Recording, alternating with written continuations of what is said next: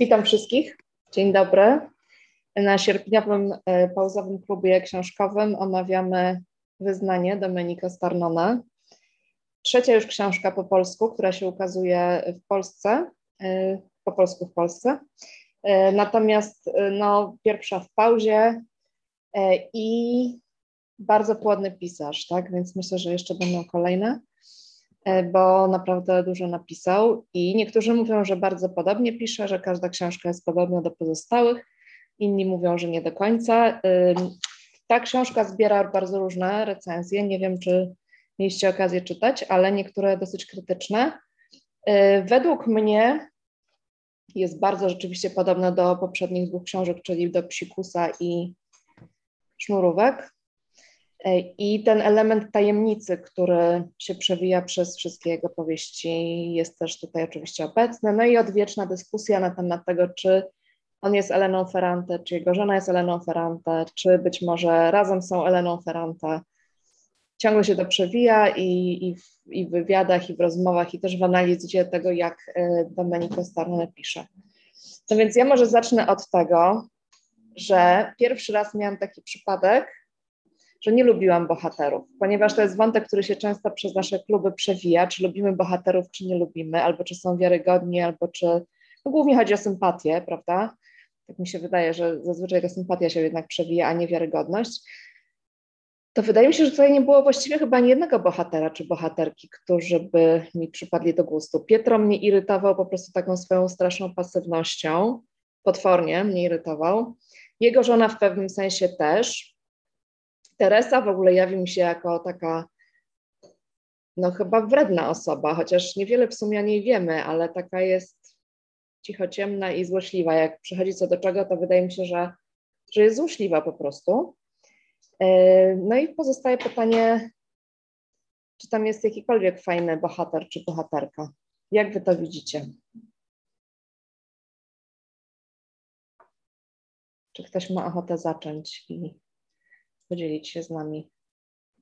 To ja mogę powiedzieć, że początkowo trochę lubiłam jego córkę e, i bardzo mi się podobało to przejście czasowe, ale faktycznie miałam tak, że no, staram się zazwyczaj nie angażować emocjonalnie w ogóle z bohaterami tych książek, które czytam. No ale żadnym z nich jest takie powiedzenie, no nie chciałabym siedzieć obok żadnego z nich w autobusie, myślę sobie, ani uciąć jakiejś pogawędki, no to, to nie są tacy ludzie.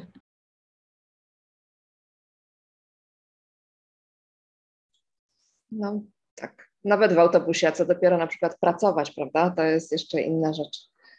Ale nawet ten jego sukces książkowy e, taki dla mnie był, nie wiem, tak miałam wrażenie, że on jest taki trochę, nie, nie wiem, czy nieuczciwy w tym, co robi, chociaż oczywiście nie znamy żadnych szczegółów, więc to są wyłącznie jakieś właśnie wrażenia. Nie wiemy, czy rzeczywiście jest ekspertem, czy nie jest i wiemy, że jest uznawany za eksperta prawda, w pewnym momencie, ale taki mi się wydawał właśnie mało autentyczny. Ktoś jeszcze? Maciej? No, ja miałem takie skojarzenia z, z bohaterem serialu The Affair. Tam też jest, nie wiem, czy oglądałyście, może tam też jest gościu, który e, w pewnym momencie osiąga sukces, no i dosyć taki schematyczny bohater. Nie irytowali mnie tak, jak na przykład chyba bohaterka książki Bowman któreś, jakoś miałem tak, taki problem z tą książką, że, że strasznie mnie irytowała bohaterka i źle mi się to czytało, chyba ta druga to była, tak tytuł brzmiał, e, ale generalnie rzadko sięgałem ostatnio po coś włoskiego, chyba faktycznie po Ferrante z dwa lata temu, po dwa pierwsze tomy, dalej już nie do, dodrnąłem, stwierdziłem, że, że to nie dla mnie, ale e, całkiem, całkiem ciekawie się to czytało. Elektryzująca książka, e, Natomiast no też nie, nie był to jakiś taki mój top, pauzowy top. Ja miałam taką myśl, że mm, on jest sam do siebie autokrytyczny i stąd y, miałam takie poczucie, jakby on cierpiał na syndrom oszusta, że on sam nie wierzył w swoje możliwości y, i ciągle nie dowierzał, że ludzie go doceniają. I jakby tak sobie myślę, że pewnie nie do końca wiemy faktycznie, czy, on, czy ten jego sukces był zasłużony, czy nie, ale myślę, że on sam w niego nie wierzył, że dużo ludzi w niego wierzyło i go chwaliło. Stąd może być takie wrażenie, że, że to było jakieś napompowane. Ja sobie tak pomyślałam. I tak myślałam trochę z taką życzliwością, mm, mimo że też mnie irytował swoją biernością, ale myślałam z taką życzliwością o nim, że, że on się tak katuje, tak naprawdę całe życie nie dowierza w swoje możliwości. To była taka moja myśl odnośnie jego sukcesu. Zgadzam się z tym, absolutnie też mam takie wrażenie, tylko z kolei ciekawe jest to, że to na przykład nie wzbudziło we mnie jakichś takich emocji, które teoretycznie powinno, czyli współczucie, empatia, biedny Pietro, nie wierzy w siebie, całe życie jest prześladowany przez tą tajemnicę, tylko raczej myślałam sobie, Boże, jest po prostu irytujący gość, no zamiast jakoś się skonfrontować z tym, nie wiem tak naprawdę jak miałby to zrobić, musiałby chyba ścignąć Teresę i ją zmusić do rozmowy albo ujawnić tę tajemnicę i mieć to z głowy po prostu wtedy, pewnie najprościej by było.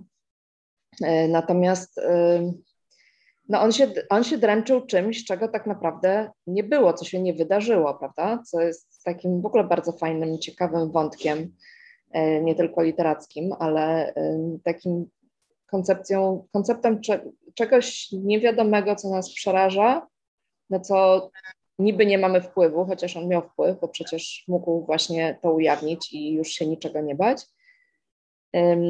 No a jednak to coś nam niszczy życie tak naprawdę, tak? No bo to mu w pewnym sensie niszczyło spokój ducha, e, jak wiemy, no życie zawodowe pod koniec, tak?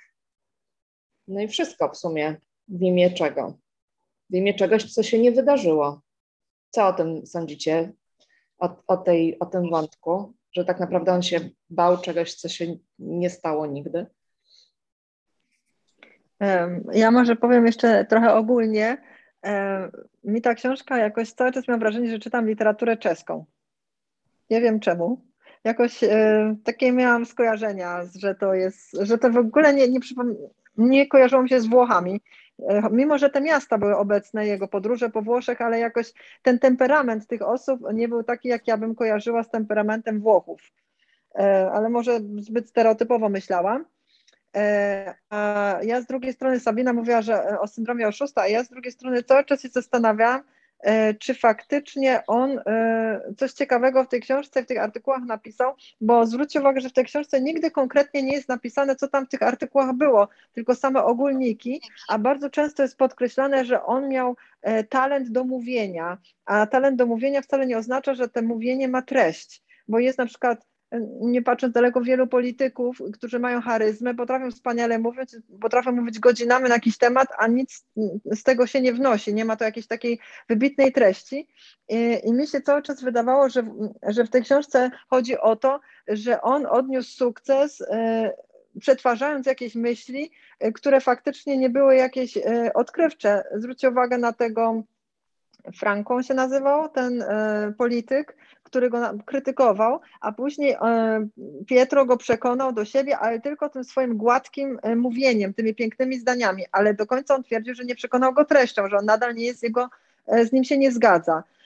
I moim wrażeniem z tej książki było to dlatego też ta Nadia, która nigdy, żona, nigdy tego nie powiedziała naprawdę, ona miała takie wrażenie, że ona faktycznie mogła coś osiągnąć, ale z przyczyn takich, że jako kobieta nie mogła tego osiągnąć, a ten jej mąż osiągnął coś bez treści, bez jakiegoś e, bez takiej wiedzy, którą ona dysponowała. E, a ten zabieg, o którym Anita wspomniałaś, mnie się bardzo podobał i byłam do końca książki bardzo ciekawa, czy ta tajemnica zostanie zdradzona i bardzo mi się podoba, że nie została zdradzona, bo ona właśnie e, dlatego robi z tej książki coś, że to w sumie była taka drobnostka, o której ta Teresa już nawet zapomniała, co to było, a ten Pietro no, był taki trochę, no nie wiem jak to powiedzieć, no, no głupi nie, ale może taki no dał się temu tak zwieść i cały czas tym mrzonką, e, całe to jego życie taka jakaś mrzonka, bo ja tą karierę cały czas odbierałam tak, że ona naprawdę nie była taką faktyczną karierą, e, bo to nie były jakieś takie ogromne, wybitne te książki, on się cały czas obracał jednak w tym środowisku nauczycielskim. No nie wiem, może się ze mną nie zgadzacie, bo ja ta książka jakoś lekko się czytała, ale do końca nie jestem pewna, czy ona mi się podobała, dlatego i nie miałam dużo czasu teraz, żeby o niej myśleć, bo akurat jestem urodziny, czyli jest za dużo zamieszania, żeby to przemyśleć, ale jestem ciekawa, czy się ze mną zgadzacie, bo może się mylę, może coś ciekawszego wyście wyczytali. No ja tutaj przeczytam e, to, co napisała Joanna do nas, że zgadza się w 100% i też było dla mnie podejrzane ten jego sukces i całe to pisanie książek, artykułów i tak dalej. Ja też się z Tobą zgadzam. Miałam wrażenie, że to jest jakby ten element też zaskoczenia, że on sam się dziwi, że odniósł taki sukces i że to, co napisał, miało jakąś wartość. No to z jednej strony może ma kompleksy i, i, i syndrom oszusta i tak dalej, i tak dalej, a może wie, że to wcale nie jest nic wybitnego, czy nie było nic wybitnego. Karolina widzę, że podnosi rękę. E, tak, ja chciałam powiedzieć, że też się zgadzam. I co do czeskości, ja miałam trochę wrażenie, że czytam nieznośną lekkość bytów um, Milana Kundery. Bardzo mi się to um, skojarzyło z tą książką. Wydaje mi się, że wątki porusza, e, że Kundera porusza dużo więcej wątków. E, nieznośna lekkość bytu jest obszerniejsza, ale E, czułam, czułam tę książkę w wyznaniu Starnone i wydaje mi się, że to jak bohaterowie ustawiają się do siebie. Przypominało mi bardzo Kunderę. A co do um, tego, czy lubiłam bohatera, czy nie, ja, ja, ja wręcz przeciwnie. Ja w porównaniu do na przykład bohater, bohaterki tej drugiej, ja tutaj nie miałam tego problemu.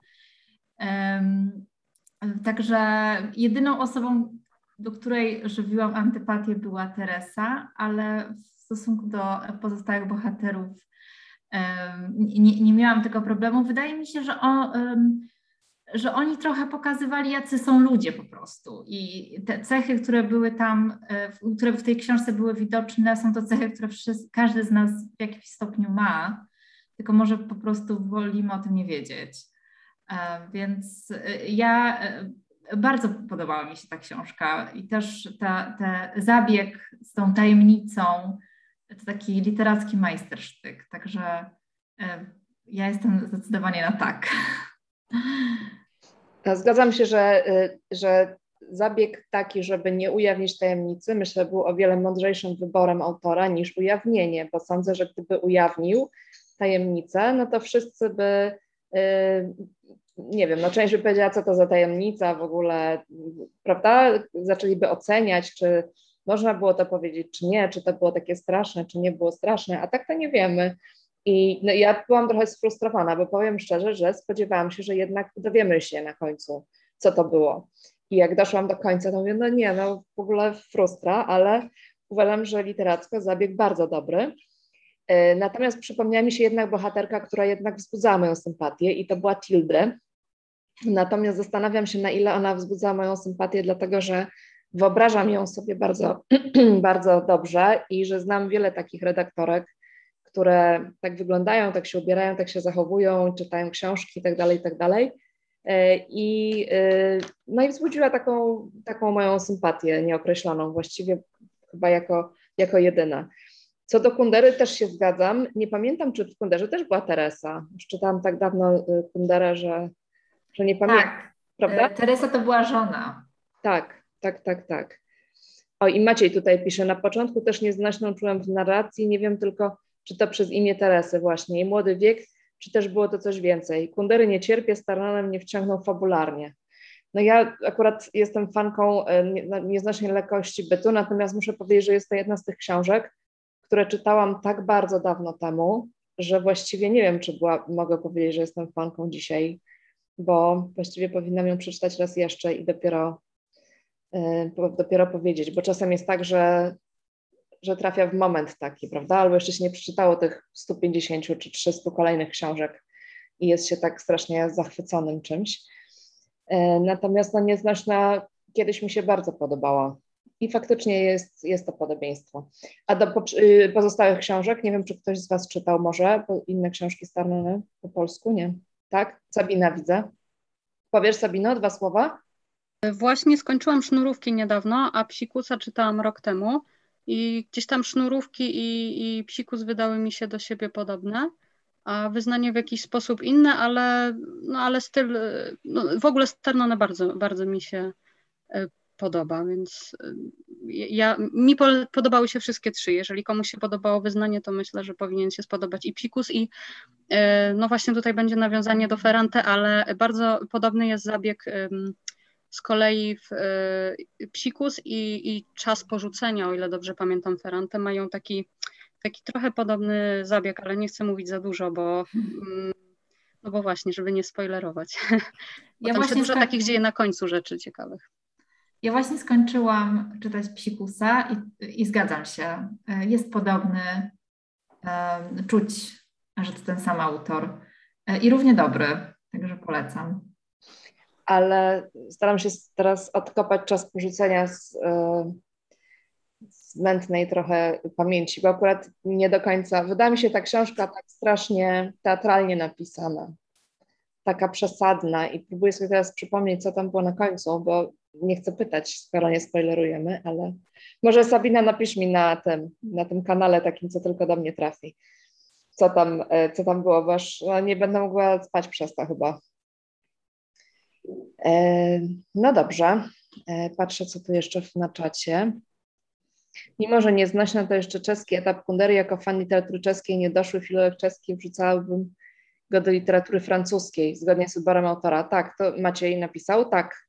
Właśnie, francuska czy nie francuska? No, zawsze Kundera twierdził, że francuska, tak, to prawda.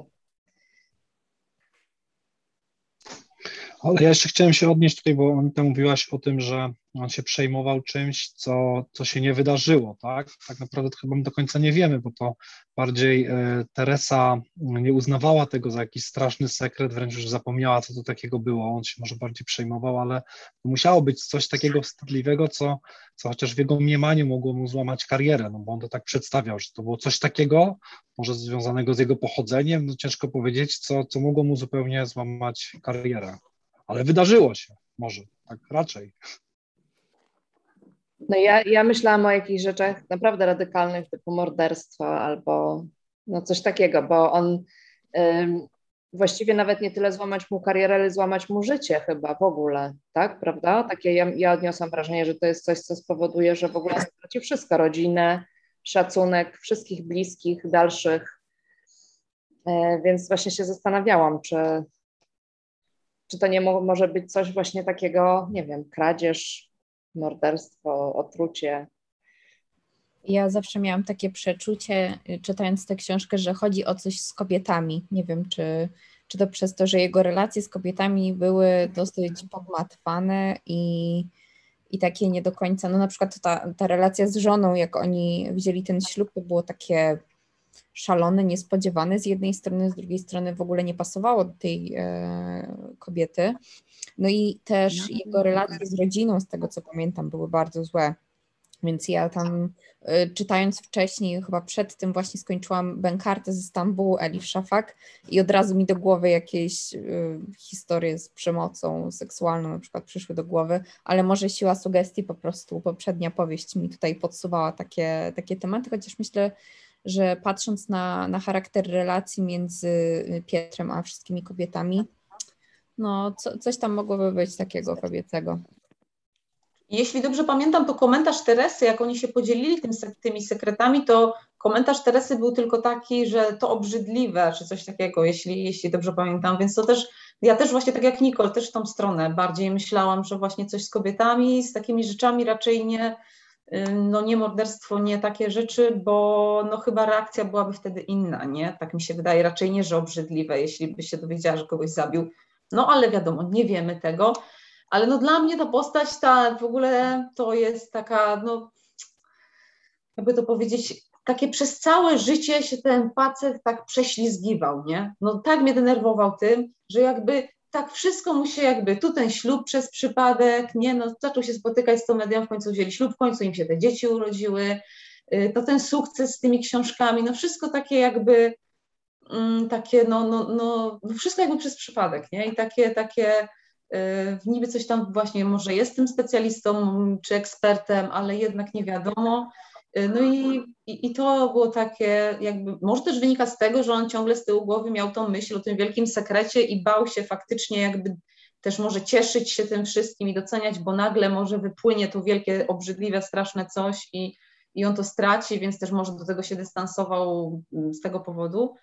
Y, no ale nie wiem, no ale po, y, w ogóle ten, zgadzam się z Wami, że to, że nie wiemy, co było tym sekretem, to jest super. To na pewno tą książkę, no też jej obraz zmieniło w moich oczach, bo tak czytałam ją i tak sobie mówię, mm, no chyba nie, chyba nie, ale wciągało, nie? Narracja wciągała, emocje były, niepokój był cały czas, nie wiem, czy to odczuwaliście, ale ja z nim ten niepokój odczuwałam na pewno, nie? Czy wybuchnie, czy nie wybuchnie. No i po jak się okazało, że dalej nie wiemy co, no to tak jak Anita powiedziała, z jednej strony, no nie, jak to, co, ale powiedz, a z drugiej strony, no i dalej nie wiemy, nie, i się nie dowiemy. Nie, no. Jestem też, właśnie ja skończyłam dosłownie wczoraj ją czytać i tak jak Ania powiedziała, że nie miała czasu ułożyć w głowie, ja chyba też nie i właśnie mówię dobrze, że jest spotkanie dzisiaj na świeżo, bo usłyszeć też innych i, i to, na co wy zwróciliście uwagę, to jak ją odbieracie, to pomaga ułożyć w głowie, bo też jeszcze jestem taka, sama jeszcze nie wiem. Ja tak myślę tylko o tym zabiegu, właśnie... że to, co Teresę podkręcało, to był właśnie ten lęk Pietra, że, że ją to kręciło i gdyby on się zdystansował, mnie to wkurzało, że on nie ma dystansu, że gdyby on się zdystansował od tego, zapomniał o tym, nie pisał do niej, to może by to bardziej uległo zapomnieniu. On sam siebie nakręcał i ją tym też podkręcał. Takie, takie były moje myśli. Ja jeszcze chciałam dodać, że moim zdaniem on nie podejmował w swoim życiu żadnych decyzji. E, ten ślub był przypadkiem. Dzieci, to Nadia zawsze powiedziała, zrób mi teraz dziecko i potem on miał nawet lęk, a jak ona będzie chciała jeszcze czwarte dziecko, w ogóle nie było żadnej rozmowy, ile chcemy mieć dzieci, kiedy chcemy mieć te dzieci. E, wydanie książki, też zupełnie to nie był jego pomysł, bo ten wydawca się z nim skontaktował i powiedział, może byś tam napisał książkę. No to dobrze, to napiszę. A co do tego sekretu, to ja się nie zastanawiałam w czasie tej lektury, bo ja miałam cały czas przeczucie, że to nie będzie zdradzone, ale jeżeli już, to ja bym myślała, że to musiał, mógł być jakiś związek z uczennicą, jakąś małoletnią. Coś takiego, jakiś seksualny, że to obrzydliwe do tego pasuje i Teresa też była jego uczennicą, że może on wcześniej miał po prostu y, jakiś tam teta tet albo może dłuższe coś y, z jakąś swoją taką małoletnią uczennicą. I to na pewno by zrujnowało jego karierę, więc tak. Mm -hmm, tak. tak. To prawda. Tak, o tym myślałam. I tam było jest wiele razy podkreślane, jaki on jest przystojny i że on był blondynem, co we Włoszech na pewno też jakiś tam ideał e, podkreśla jeszcze bardziej wysoki, jakiś tam blond włosy i tak dalej, co dla niego, on w ogóle to chyba nie zwraca uwagi, ale tam jest opisane to z perspektywy Tere, e, Teresy, prawda? Tak. Właśnie, bo ja mam w ogóle wrażenie, że Teresa się w nim cały czas kochała i mhm. właściwie w niej wydaje mi się, że też, bo ten ślub który był z, z Nadią, właśnie tak jak mówicie, że był takim trochę przypadkowym wydarzeniem, na które nie wiadomo właściwie kto miał wpływ, a Nadia chyba najbardziej, tak, ale no tak w ogóle to się po prostu stało, tak, e, a wydaje mi się, że on cały czas jednak z tyłu głowy miał tą Teresę i jak się mógł z nią zobaczyć, to się z nią od razu spotkał i tak dalej, takie było moje wrażenie. Ale też jest pokazane, że ta Teresa była taka trudna i tak dalej, ale to jest opisywane, o ile się nie mylę, z perspektywy Pietro cały czas. A później w tym fragmencie z perspektywy Teresy dowiadujemy się, że wiele rzeczy wcale tak nie było, jak ten Pietro mówił. Wcale nie napisał do mnie tylu listów. Ja do niego napisałam tylko kilka listów, a nie aż tyle i wcale tak nie było i on wcale taki nie był.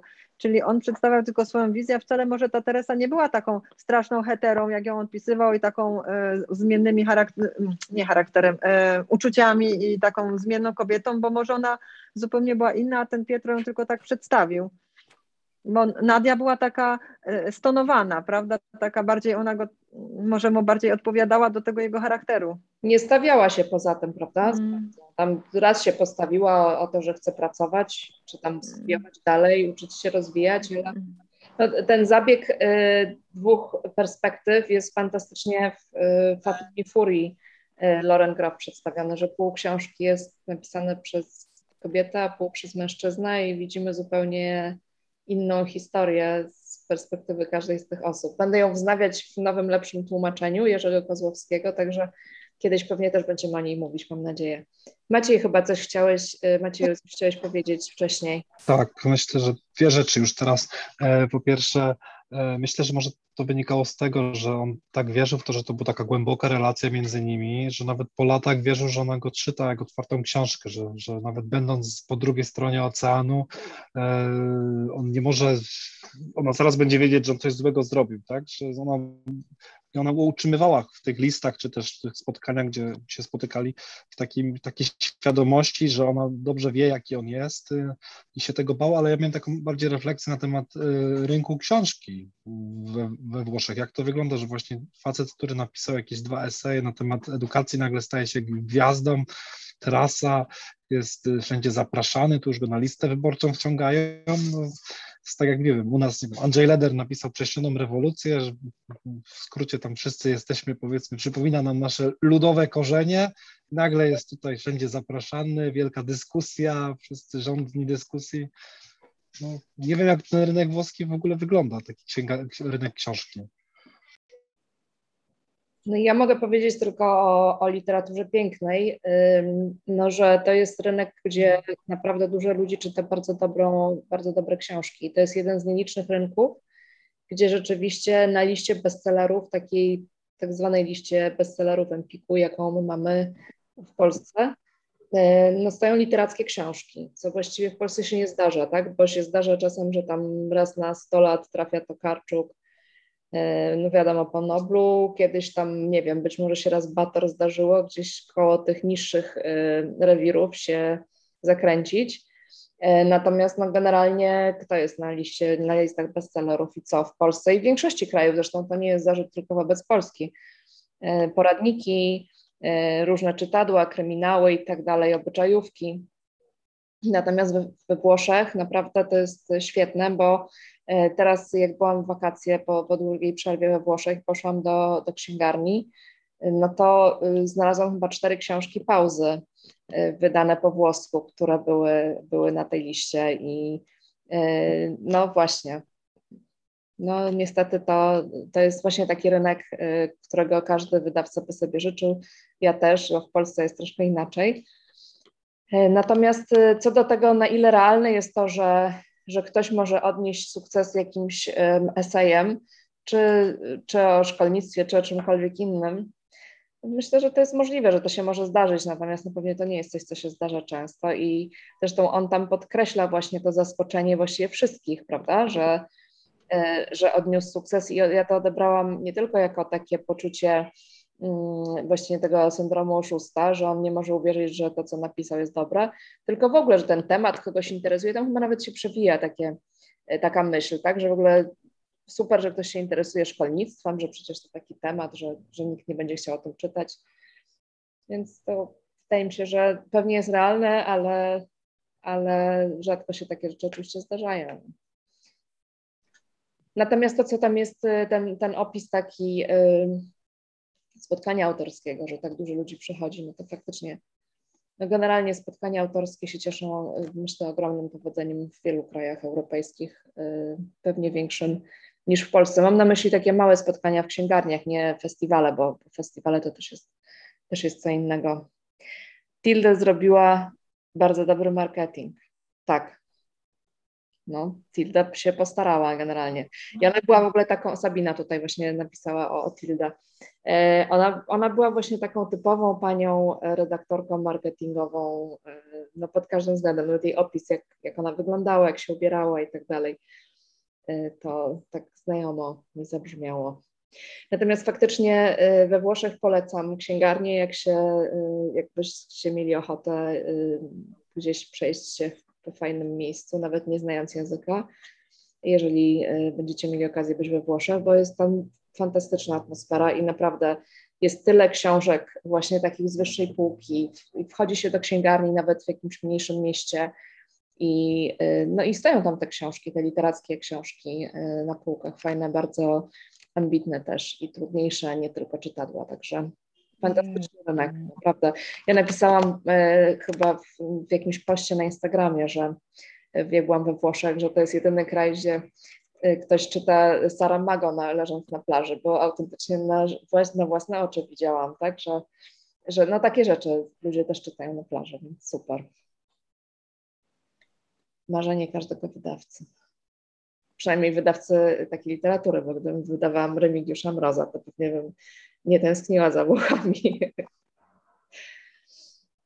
No dobrze. Ja jeszcze chciałam powiedzieć, że bardzo mi było żal tych dzieci, bo ja miałam wrażenie, że one takie w ogóle były takim, y, takim trochę piątym kołem uwozu, niepotrzebne właściwie nikomu. No może Nadi, żeby się realizować jako matka, no bo powinna mieć dzieci, powinna mieć męża, tak ja to odebrałam.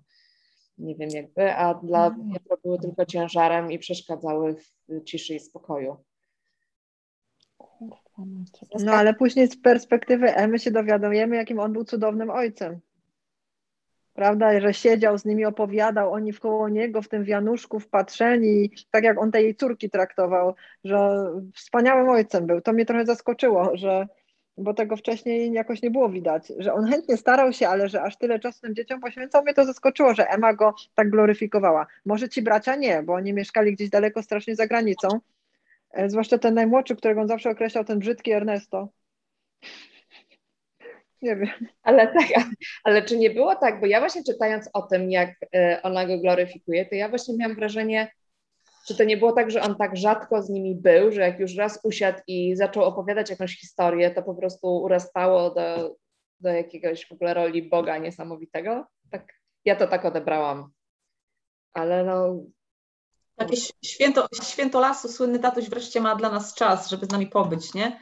No ja też to tak odebrałam, że, że właśnie on w tej sławie glorii i tych spotkaniach y, znajdował czas, żeby jeszcze z nimi tam w, właśnie w kółeczku posiedzieć, posiedzieć i pogadać. No, no nie. Ta perspektywa tej Emmy to o, totalnie antypatyczna postać, nie? Dla mnie najbardziej chyba z tych wszystkich, które, które się tam przewinęły.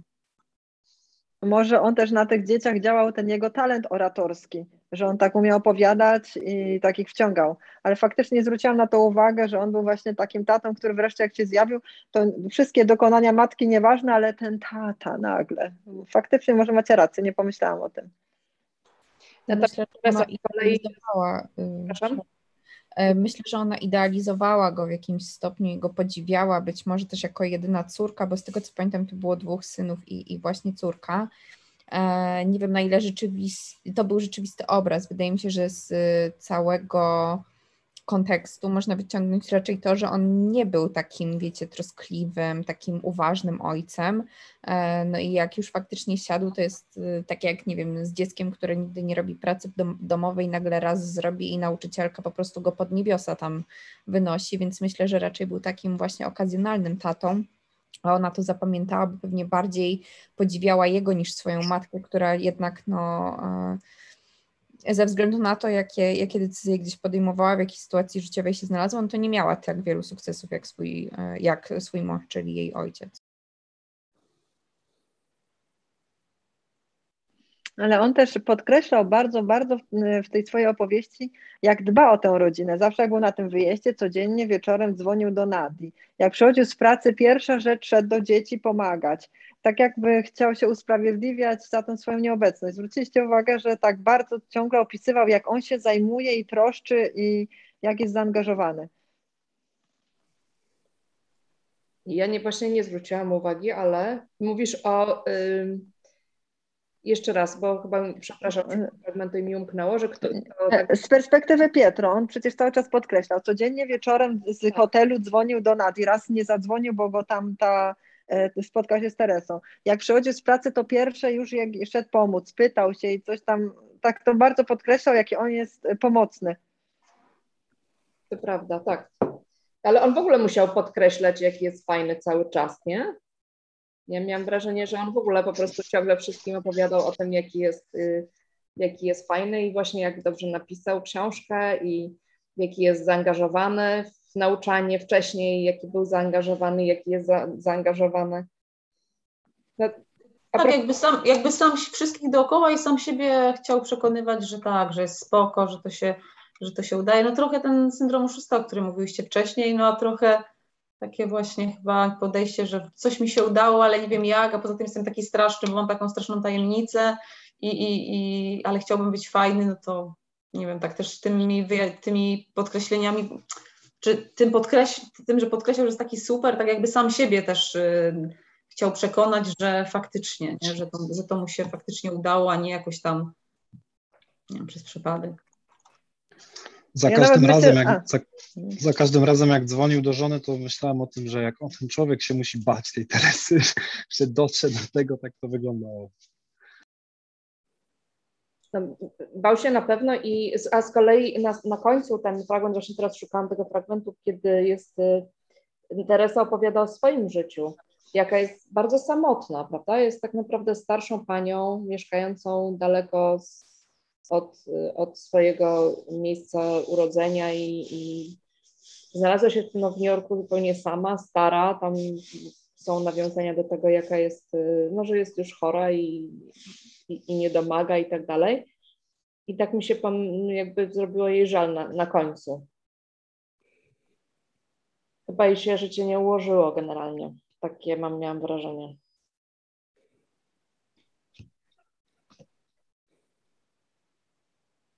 Może ona tak w kontraście do tego Pietru faktycznie zrobiła karierę i faktycznie e, coś, czegoś dokonała, za to się jej nie użyło życie prywatne, a on e, dla, dla mnie to nie był ten syndrom oszusta, dla mnie to cały czas była ta samokreacja. Tak jak z tymi książkami, to wszystko to było takie wykreowane, mm, za to miał tę rodzinę. No nie wiem, taka myśl teraz mi przyszła.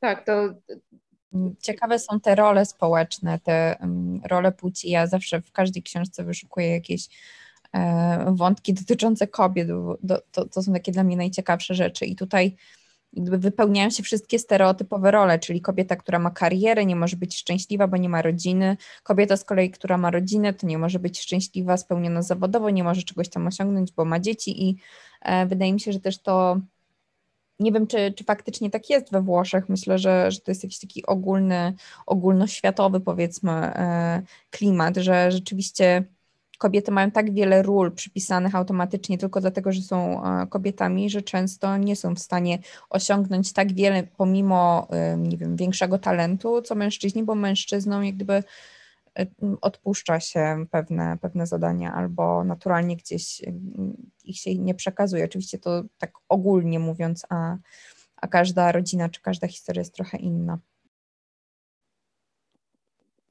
Ale to słuszna uwaga, że no są takie trochę stereotypowe te bohaterki, prawda? To, tak, bardzo, bardzo słuszna uwaga. Karolina?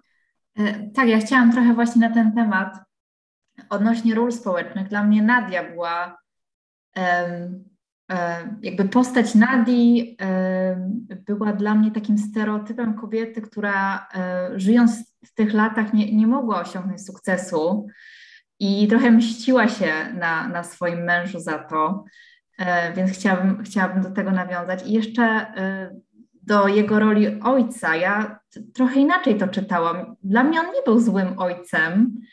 E, I wydaje mi się, że to nie była kwestia idealizacji przez jego najstarszą córkę, tylko może bardziej tego, że, że dzieci nie do końca e, widzą to tak jak dorośli, że może nie do końca dostrzegają pracę swoich matek, a bardziej dostrzegają rozpieszczanie przez ojca, więc e, ja, ja to tak widziałam. I dla mnie właśnie bardzo fajnie, czy fajnie, tak prawdziwie było, było pokazane to, jak życie wyglądało w, w, ta, w tamtym pokoleniu. Porozumiem, że to jest pokolenie wstecz. E, I myślę, że to też, też się zmieniło. A co do jeszcze, chciałam powiedzieć, co do tej tajemnicy, to ja miałam podobny, podobny trop, co koleżanki i koledzy, czyli że też chodziło o związek e, z nieletnią uczennicą i myślę, że tam jest, e, tam on o tym wspomina tak między wierszami, jak jego żona zwierza mu się, co, co zaszło między nią a profesorem. I on, on wtedy mówi, że on robił gorsze rzeczy i właśnie myśli o tym po, po tym zwierzeniu, więc jakby też, też podobny, podobny miałam trop jeżeli chodzi o, o tą tajemnicę. To chyba tylko jałka trupiłam kogoś y, pomocą Pietra. Natomiast y, a propos jeszcze tych ról społecznych i, y, no i, i ja czytając te nieliczne wywody czy złość Nadii, myślałam sobie, że oni w ogóle się nie komunikują ze sobą, prawda? Jako para no to w ogóle tragedia. Ona, y, nie wiem, y, ma jakieś tam kłopoty na uczelni, nic mu nie mówi, tak? Y, ma jakieś swoje przemyślenia, nie wiem, dotyczące swojej rodziny, ich rodziny wspólnej, dzieci i tak dalej, nic nie mówi. I właśnie tutaj ktoś z Was poruszył temat tego kolejnego dziecka, no to w sensie, że co, ona go wrabiała w te dzieci? No bo tak to brzmi, prawda? Jak, jak facet chodzi i mówi, o Boże, żeby tylko nie chciała czwartego, no to albo jest bezwolny i po prostu zrobi czwarte, bo ona chce czwarte i co to będzie, no albo y, czuje się po prostu y, wrabiany w kolejne dzieci, więc wydaje mi się, że ta komunikacja tam, to w odróżnieniu od jego komunikacji z Teresą, która wydawała mi się taka bezpośrednia i no nie wiem, jak tam czytałam te fragmenty, gdzie jest właśnie opisany ten początek ich związku i oczywiście kłócili się i był bardzo burzliwy ten związek, mieli do siebie różne pretensje. Wydawało mi się, że jednak ze sobą rozmawiają w odróżnieniu od y, rozmowy z własną żoną. Jest to takie przewrotne, przewrotne małżeństwo, bo e, z jednej strony mamy faceta, który no, na pozór jest, no, dużo kobiet w życiu miał, ma taką pracę, jaką ma, też charakter i wydaje się, że no, będzie tą żonę zdradzał i, w ogóle ta żona jest... No, takie miałem wrażenie, że gdyby ta Teresa jedno słowo powiedziała, to on zaraz by pobiegł na drugą stronę, e, pojechałby na drugą stronę oceanu. Natomiast ta żona z kolei, e, ona tam w pewnym momencie mówi córce, że twój ojciec był mi tak y, niezbędny, że zdradzałem go w każdym znaczeniu tego słowa. E, więc to jest ciekawe. Ta, ta, jego żona, ta Nadia jest, jest do pewnego momentu była taka niedopowiedziana i tak do końca pozostała. Gdyby jeszcze nie, brakowało mi tylko tego, żeby jeszcze utrzymała w tajemnicy przed mężem, e, co takiego się zdarzy, zdarzyło na tym uniwersytecie, bo, bo wtedy i ona miałaby jeszcze jakiś sekret, a jednak tych, tych tajemnic przed nim na pewno miała sporo.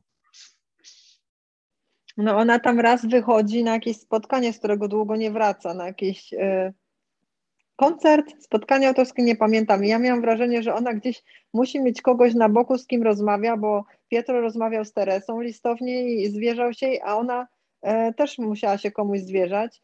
E, I to, co powiedziała Anita, już też wcześniej mówiłam, że o, tam nie było komunikacji, ale mnie totalnie trafiał szlak, Pietro cały czas podkreśla, jaka ona jest mądra i jaka ten, i widzi, że tu jej kariera pada i e, tam nawet ten wydawca jego powiedział, że ona ma napisać książkę, że też by ją wydał i ten Pietro nawet jej nie wesprze, weź, siądź, pisz tą książkę, zajmę się tym dzieckiem, albo nawet pomijając już to dziecko, ale żeby ją jakoś zmotywował, czy coś wie, że ma mądrą żonę, matematyczkę uzdolnioną, on nic z tego nie rozumie, nie ogarnia i nawet jej nie, nie da tej myśli, no, no wkurzało mnie to.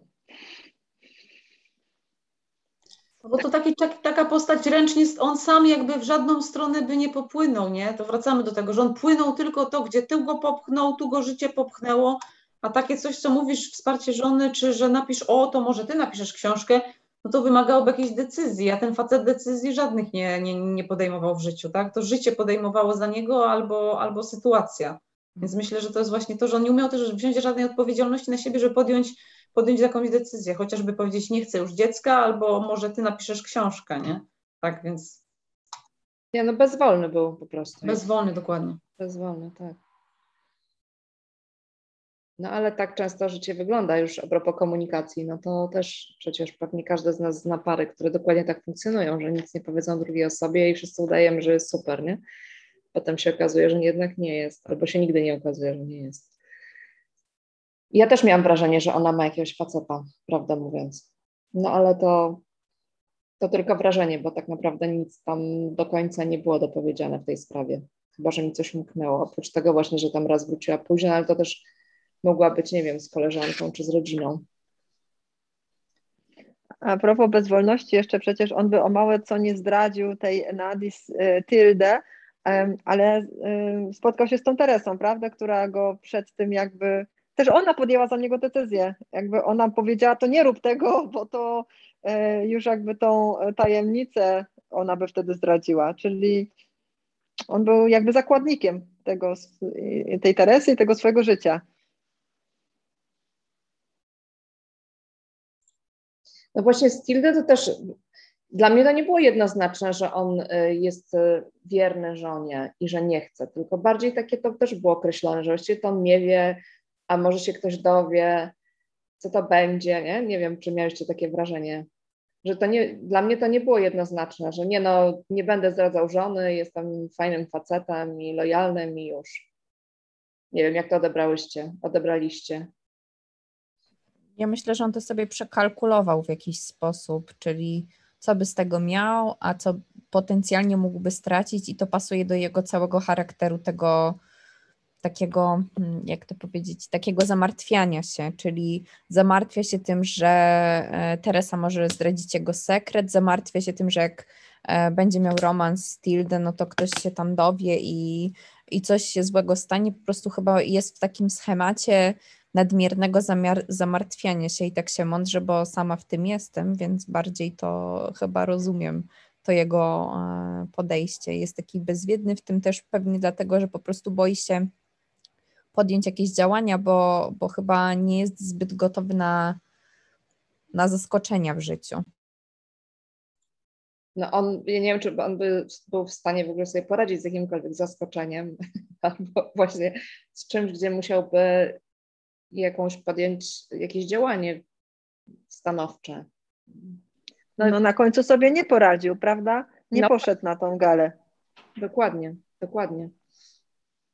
Nie poradził sobie, bo y, zupełnie nie, nie mógł sobie wyobrazić, co zrobi, jak coś pójdzie nie po jego myśli, tak? No dobrze, może miał już wtedy 85 czy ileś lat, no to może go jakoś usprawiedliwia, tak, że już tyle lat próbował to swoje, ten image swój y, utrzymać na powierzchni, że nie chciał go rujnować na sam koniec, no ale no, też wobec Tilda też nie do końca był w porządku, no bo też nie było tak, że jej nie uwodził, czy nie zachęcał do tego, żeby jednak coś tam między nimi było, tak? To przecież nie było tak, że, że on z nią nie spędzał czasu, albo nie zostawał po kolacji, albo nie gadał, nie chodził na drinki, tylko to wszystko robił. No i potem jak już miało dojść co do czego, no to uciekł tak naprawdę, nie? No paskudny typ, nie, nie wiem, jestem bardzo uprzedzona do niego. Może ktoś go obroni jakoś, nie wiem, może wzbudzi Pas, jakąś sympatię. Paskud, paskudny typ, którego zdradzała żona. To jest dobre podsumowanie książki. Nie pójście na galę też jest decyzją. No, myślę o tym. Pisze Joanna. Dla, dla mnie ucieczką, nie decyzją. A czy, a czy może ucieczka też jest decyzją? Nie wiem. Znaczy, y, pytanie o to, y, o, o granicę pasywności, tak? No, jeżeli podejmujemy decyzję, że nic nie robimy, jak dzieje się coś złego, to czy to jest pasywność, czy to jest decyzja, tak? To chyba jest takie pytanie.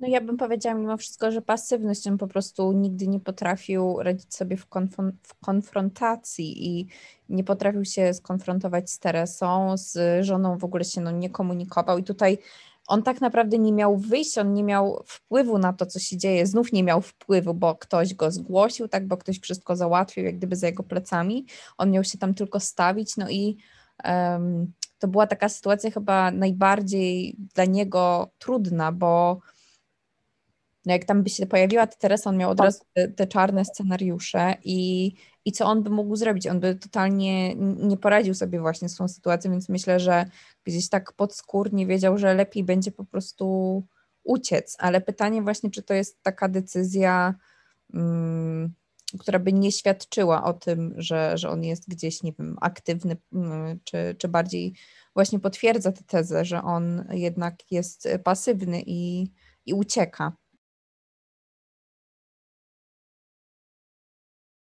Jeszcze sobie przypomniałam ten fragment na końcu, jak Teresa opisuje, nie podoba mi się styl pisania ani córki, ani ojca. Wolę zdania, które nie ubierają zachowań i nastrojów w gładkie słówka. Czyli właśnie takie trochę ślizganie się po powierzchni. Tak jak Nicole wspomniałaś, że nie konfrontowanie się z niczym, nie określanie się. Może dlatego też odniósł taki sukces z tą książką, bo nie było tam nic kontrowersyjnego, bo też nie wiemy tak naprawdę, jakie były te jego tezy dotyczące szkolnictwa, te takie niesłychanie innowacyjne, ciekawe i, i nowe, prawda? A co z okładką? Ktoś napisał gdzieś, e, bo tak, ja oczywiście uważam, że ona pasuje do pauzy, dlatego ją e, wykorzystałam. To jest ta oryginalna włoska okładka ale ktoś napisał, że wygląda jak młodzieżówka, co w ogóle mi nie przyszło do głowy. Dla mnie nie wygląda jak młodzieżówka, ale jak sądzicie? Myślicie, że pasuje w ogóle do. To, jest, to, to są oni młodzi, Teresa i Pietro młodzi? Jak to interpretujecie tę okładkę? Ja sobie pomyślałam po przeczytaniu już, e, że to może być ta scena, w której Pietro wraca chyba z któregoś z wyjazdów razem z Tilde i leżą na trawie. Tam chyba była taka scena, że ona położyła się, położyła głowę na jego ramieniu i tak sobie leżeli na jakiejś stacji benzynowej na, na trawniku. Nie wiem, tak pomyślałam, że to może być to. Takie miałam skojarzenie. Dobra, no to może być Tilda w sumie, bo włosy ciemne, okulary wprawdzie słoneczne, ale nie za młodzi, właśnie nie wiem. Ja mam takie bardzo um, proste, powiedzmy, przemyślenie, że to jest scena tego wyznania, ale to już by było tak łopat łopatologiczne, że już bardziej by się nie dało. Na pewno czymś musiał się ten rysownik zainspirować, grafik zainspirować. E, zakładam, że przeczytał książkę i że coś sobie z niej wyjął, właśnie jakiś taki fragment. Ja też myślałam, że być może to jest ten sekret. No nie wiem, i mają żółte buty oboje. W ogóle nie, dla mnie nie wyglądają jeszcze, właśnie nie, nie, nie pomyślałam, że to może być Tilde, bardziej myślałam, że Teresa, ale za to y, on tak strasznie nowocześnie wygląda, nie? Wygląda jakby był stylowy w ogóle, co też mi nie leży zupełnie z tym, z tym jego, z tym moim wyobrażeniem o nim. Nie wiem. Ale generalnie uważacie, że pasuje do pauzy, nie pasuje do pauzy?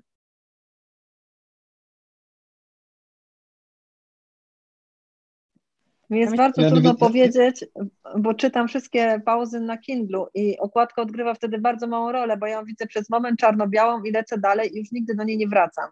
Dlatego ja na tą okładkę niestety nawet taki mały czarno-biały obrazeczek, to ja nawet nie zwróciłam uwagi, kto tam jest, więc bardzo trudno mi jest jakąś pozycję objąć w tej kwestii. Ja jestem fanką okładek w ogóle i Mam znajomą, która jest właśnie projektantką okładek i mnie to bardzo fascynuje, choć y, talentu zero. I wydaje mi się, że pauza ma na tyle różne okładki. Gdzieś tak e, ostatnio dorwałam, która to była książka, e, taka niebieska z podkreślanymi liniami białymi. E, Niebieska księga z nebo. Tak, tak. I myślę, że tak, jak patrzyłam na te początkowe książki, to gdzieś czułam, że to jest wszystko takie podobne. Turbulencje też były w takim stylu. E, wszystkie książki Buman na przykład są bardzo, bardzo spójne, jeśli chodzi o okładki. Ale teraz bardzo dużo tych okładek nowych książek jest zupełnie takich różnych, że już nie ma gdyby jednej kreski powiedzmy, tylko że są różne nurty powiedzmy wśród tych okładek i dlatego dla mnie to było jak najbardziej w porządku. Też właśnie tak jeszcze książki mi się mieszają, bo dopiero skończyłam e, za otrzymane łaski I, i ta też okładka była bardzo fajna, ale też taka inna, więc wydaje mi się, że, że pasuje, bo też pauza się rozwinęła, jest w trochę innym miejscu i te okładki są bardzo różnorodne teraz. I też na część z nich właśnie tak jak ta są oryginalne. Jeszcze tutaj pokażę nie wiem, czy widzieliście na żywo, pewnie jeszcze nie, ale tam trzymam wilka za uszy.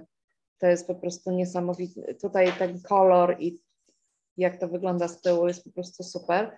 No ale też e, były różne głosy na temat tej okładki, czy pasuje, czy nie pasuje.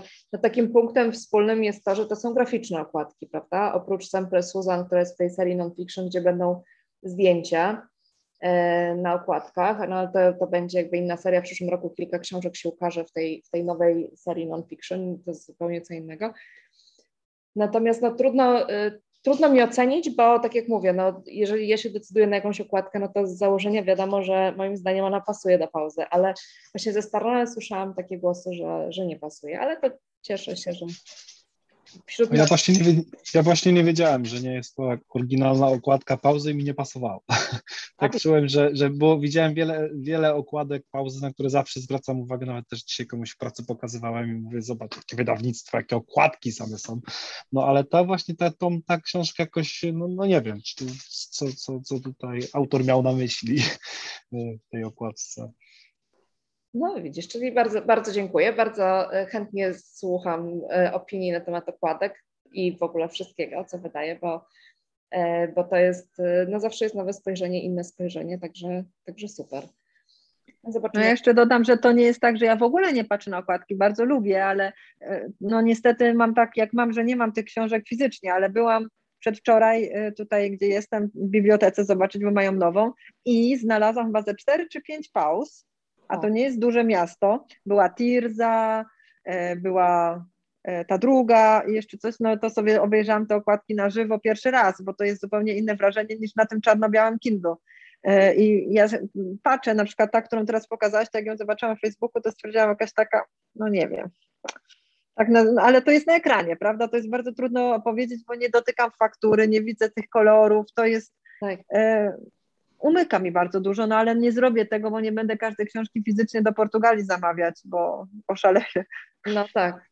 Albo zabierać, kupować w Polsce i zabierać ze sobą. Pewnie też to by było kłopotliwe. Jasne. Nie, nie, już nie mam miejsca i zamawiam co jakiś czas trochę papierowych, ale bardzo selekcjonuję. Już teraz papierowe to już naprawdę bardzo rzadko. Jasne, ale widzisz, fantastyczne jest to, że można kliknąć i mieć od razu książkę z innego kraju, co zawsze zawsze mnie zachwycało, odkąd e-booki powstały, tak, że można sobie w sekundę ściągnąć coś, co się chce przeczytać. Mm. Joanna tutaj napisała, czy na okładce nie jest tak, że on jest pasywny, a kobieta dominująca. Wtedy byłoby wszystko jedno, która to z kobiet. No faktycznie, tak. Ona tak nad nim wisi trochę. Może jest dominująca. Generalnie nie wiem, no, czy to byłoby krzywdzące, jakbym powiedziała, że to jest książka o słabym facecie? Nie wiem, może stereotyp, ale tak go odbieram.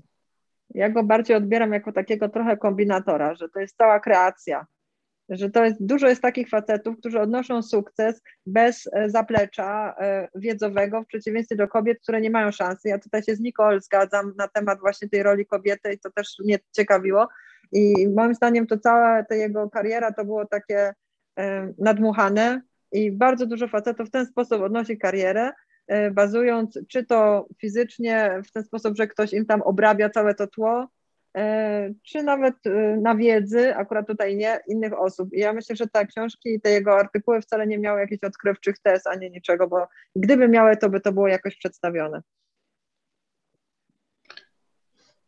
A myślicie, że on po prostu tam nie poszedł, czy też może zakończył zupełnie swój żywot? Bo ja tak, ja lubię takie mocne zakończenia, więc od razu sobie dopowiadałem, że, że starałem sobie wyobrazić, w jakim strachu on żyje, no bo jak wygląda coś takiego, jak wyglądają takie wydarzenia, kiedy, kiedy nie ma e, nagradzanego. No zazwyczaj nagroda jest wręczana rodzinie. Być może tak czy tak jakaś laudacja, czy, czy słowo e, tej Teresy by nastąpiło. Być może ten sekret by zdradziła. No tak zacząłem sobie wyobrażać, co, jak bardzo zaszczuty w tej swojej dziwnej wyobraźni był, był, był ten Pietro. No i tak sobie zaraz podpowiedziałem, że może on już, może on już skończył swój żywot. Czyli, że nie poszedł, bo nie mógł pójść, bo umarł? To masz na myśli? Nie, myślę, że był tak, ja sobie to tak wyobrażałem, że on jest tak bardzo boi się, że ona tak czy tak zdradzi. Nawet jeśli on nie pójdzie na, na, na to, na, na, nawet jeśli on po prostu nie pójdzie na to, to ona powie y, z wszystkim, jaki on tam był w przeszłości i tak dalej, co on takiego i powiedział. Więc ja sobie tam podpowiedziałem samobójstwo. W ten sposób. Nie wiem, właśnie szukam e, fragmentu. Tam było cokolwiek, co by to sugerowało, czy to tak sobie ty wyobraziłeś? Czy tam tylko Teresa powiedziała, że, że ona już wie, że on tutaj nie przyjdzie i że, że już go nigdy nie zobaczy. Że, o, że nie ma wątpliwości, że Pietro nigdy się nie zjawi i nigdy więcej go nie zobaczy. Mhm. Ale to wszystko. Jak zwykle niedopowiedziane tego autora. Mhm. A widzisz, to bardzo, to bardzo ciekawa interpretacja, bo ja tak nie pomyślałam, tylko pomyślałam, że się po prostu boi, ale może tak, no. Może właśnie to jest fajne, że nie wiemy do końca, co się wydarzyło. Nie wiem, ktoś jeszcze z Was myślał, że tak jak macie, że on umarł albo że popełnił samobójstwo? On by się w życiu nie odważył na samobójstwo. W życiu by takiej decyzji nie podjął. Nie ma najmniejszej szansy, się za bardzo bał. On nie poszedł ze strachu. Jeśli umarł, to śmiercią naturalną, bo zgadzam się tutaj ze mną, że dla mnie on w ogóle nie ma charakteru takiego.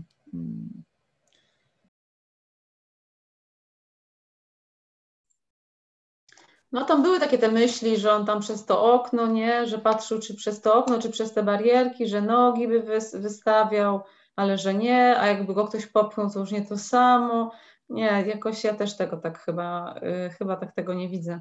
Bardziej właśnie, że nie wiem, że już taki był przerażony, że, że, wie, że po prostu naturalnie, naturalnie zakończył swój żywot i, i nigdy go więcej już ta Teresa nie zobaczy. Nie, raczej tak nie myślałam o samobójstwie. Albo może pisze swój ostatni esej o tym, jak w proteście nie odebrał tej nagrody i znowu będzie sławny, jeździł będzie po całych Włoszech i opowiadał, Zno, dlaczego. Znowu będzie nawijał makaron na uszy, przekonywał ludzi, no w sumie. A ja myślałam z kolei, że jak ona mówi, że go już nigdy nie zobaczy, bo też jakby nie ma ochoty najmniejszej, już ma go tak dosyć po prostu i tego jego nędznego pisania i tej córki, która była namolna i w ogóle tej całej historii, która z punktu widzenia Teresy w ogóle nie była żadną historią, nie była żadnym tematem i w ogóle jej życie płynęło zupełnie gdzie indziej na czym innym, chociaż być może z, z jakąś tam tęsknotą czy żalem do, do Pietro, że tam nic między nimi nie zaszło poważniejszego i że już wreszcie on jej przestanie zawracać głowę w tym sensie, że już na pewno go nie zobaczy, bo nie chce mieć z nim nic wspólnego. Ja to tak odebrałam, ten, to zakończenie, ale no, widzicie, bardzo fajnie, że jest tyle możliwych interpretacji. Nie, ale ona też tam powiedziała, że Piotr był jedyną osobą, którą kochałam i nadal kocham. Było takie zdanie w tej jej końcówce, że, że właśnie, że jakby jest taka samotna w tym, w tym wszystkim teraz, bo jakby, że jedyną prawdziwą jej miłością był i nadal jest, y, jest on, więc nie, ja tak nie pomyślałabym, żeby ona by go chciała już więcej nie oglądać. Znaczy myślę, że oni są w takim wieku, że już no cóż... Yy, w czasie kończy. Dalej, a z drugiej strony z tego co pamiętam, ale mogę się mylić, ona nie przylatywała za bardzo do Włoch. Dla niej to było takie utrudnienie, więc yy, wydaje mi się, że ona by wróciła E, do Stanów i tam by już osiadła, a no, któreś z nich pierwsze by pewnie pożegnało się z życiem. No ale z drugiej strony był jedynym, którego kochała i co z tym zrobiła? No nic za bardzo, nie? Też. No ta ich miłość była toksyczna, mówmy się, to, to była taka, no mogli się kochać, ale e, to był bardzo mm, trudny związek. Nie wiem na ile taki do zbudowania na przykład całego życia wspólnie. Może to właśnie była taka miłość, wiecie, taka sentymentalna w jakimś stopniu, no a oni razem, no średnio. Pod wpływem y, ogromnych emocji, prawda, na początku i później też się tak schodzi, bo oni się tam schodzili, rozchodzili, godzili tak było burzliwie. No, zobaczcie, taka w sumie krótka książka, a naprawdę jest o czym rozmawiać, prawda? Więc to jest jednak dobrze napisane, wydaje mi się, jeżeli skłania do refleksji i do tylu różnych interpretacji, e, takich właśnie niedopowiedzeń. Bardzo fajne, fajnie. Bardzo, bardzo Wam dziękuję za rozmowę. Czy jeszcze ktoś może co, jakiś, y, ma jakąś uwagę, czy jakiś wątek chce poruszyć? Nie, chyba nikt się nie odzywa. A coś, jakieś pomysły na kolejny klub? We wrześniu mam nadzieję, że będziemy też się widzieli wszyscy. Ja mam taki Historia pomysł, przemocy. Że... Historię przemocy, bo nie czytałam i chcę się zmobilizować. Ja chciałam zaproponować też jakąś starszą pauzę, bo mam nakupionych strasznie dużo nieprzeczytanych, więc może coś, yy, nie mam preferencji, ale nie nowość może. No tak, zgadzam się. No, ja też zaczęłam tę niebieską księgę z Nevo, więc jeśli by padł taki pomysł, to ja bym ją chętnie skończyła na klub. To Nebo, dobrze. A widzę, że Maciej Floryda. Ja bym chciała bardzo porozmawiać o Florydzie, ale pomyślałam, że o Florydzie można by porozmawiać, jak będzie też nowa powieść Gro w przyszłym roku. Natomiast y, może y, historia przemocy może jest dobrym pomysłem, bo 20 września będzie premiera kolejnej no książki. No właśnie, o to mi chodzi, właśnie o to mi chodzi. I, y, no i być może jeszcze jakaś niespodzianka z nim związana, to powiem później, bo teraz nie mogę, ale, ale tak, może historia przemocy, a Dominika tutaj widzę, że też głosuje za historią przemocy to zróbmy historię przemocy. Jest piękna rzecz, jedna z moich ulubionych pauz w ogóle. Zachwycająca książka, uważam, fantastycznie napisana. Więc jestem mało obiektywna. Będę po prostu same dobre rzeczy mówić, ale dobrze, fajnie. To tak się umawiamy. Jutro wrzucę informację na klub. A Niebieska Księga z Neba też gdzieś e, będzie w kolej, zakolejkowana. Nie wiem, czy ktoś z Was jeszcze czytał, oprócz Nicole, Niebieską Księgę? Może jak już. Mam na Kindle. Jeszcze nie czytałam, mam. Albo jak się pandemia skończy, albo właśnie jak się zacznie, bo jednak tam są takie wątki e, leciutko stresujące, jak się jest w zamknięciu i jest czas apokalipsy. E, więc właśnie nie wiem, czy lepiej jak się skończy, czy lepiej jakby odpukać, znowu coś nas trafiło, to. Ale chciałabym też do niej wrócić, bo książka zupełnie inna z pozoru niż, y, niż pozostałe pauzy, bo to post, post-apo, którego w ogóle nie lubię, ale tutaj wydaje mi się, że to nie jest tak naprawdę istotne, że to jest post-apo. To jest temat długi do dyskusji, chętnie kiedyś o tym pogadam. Dobrze, to w takim razie umawiamy się na historię przemocy. Jak ktoś ma ochotę przeczytać Ediego, obie są krótkie, to możemy sobie też y, porozmawiać o Edim i jak, jak się Louis rozwinął mm, w swoim pisaniu. No i będzie właśnie trzecia, Kto zabił mojego ojca. Premiera 20 września, oczywiście na stronie pauzy wcześniej. I to jest naj, jak na razie najkrótsza z jego książek wydanych po polsku. To Kto zabił mojego ojca będzie bardzo, bardzo króciutkie. Yy, także no, zapraszam w takim razie do czytania Luisa, mojego faworyta po prostu. Jestem naprawdę, yy, myślę, że Groff i on to są tacy moi ukochani, ukochani autorzy z pauzy, naprawdę. Anita, a Starnone w, w, te wcześniejsze książki też ty wydawałaś w Wabie? Tak. Okay. tak także no ja, ja go w ogóle bardzo lubię i, y, i tamte, nie wiem właściwie, sznurówki mi się chyba najbardziej podobają z tych trzech, prawdę mówiąc. Y, także, no ale to tak czasem bywa, no tak jak z Klegiem, bardzo mi się podoba koniec dnia, jak wiecie, i rozmawialiśmy już o nim. Natomiast czy miałaś kiedyś rodzinę? Wydaje mi się, że mi się też trochę bardziej jednak podobało e, niż, e, niż koniec dnia. Także czasem tak mam, że tam w tych poprzednich pracach zostawiłam e, takie może nie ulubione, ale bardziej lubiane. Ale też no, ci wszyscy autorzy, po pierwsze będę wznawiać, mam nadzieję, te, te rzeczy, które wydawałam wcześniej. Zresztą podpisałam już umowę na E, nabyłam Eileen, czyli na książkę Tessy Moszwek, którą wydałam w Wabie, będę też ją wznawiać w przyszłym roku.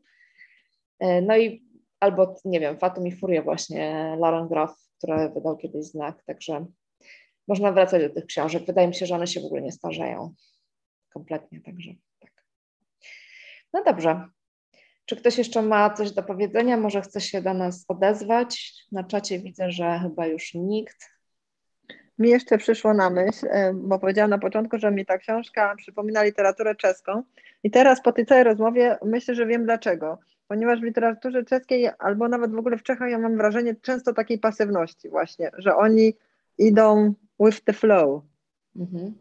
I chyba dlatego. Ale wiesz co, właśnie to jest pytanie, czy ta pasywność, bo go with the flow, czy to jest pozytywne czy negatywne? Nie wiem jeszcze, dopiero teraz mi to przyszło do głowy. Muszę to przemyśleć.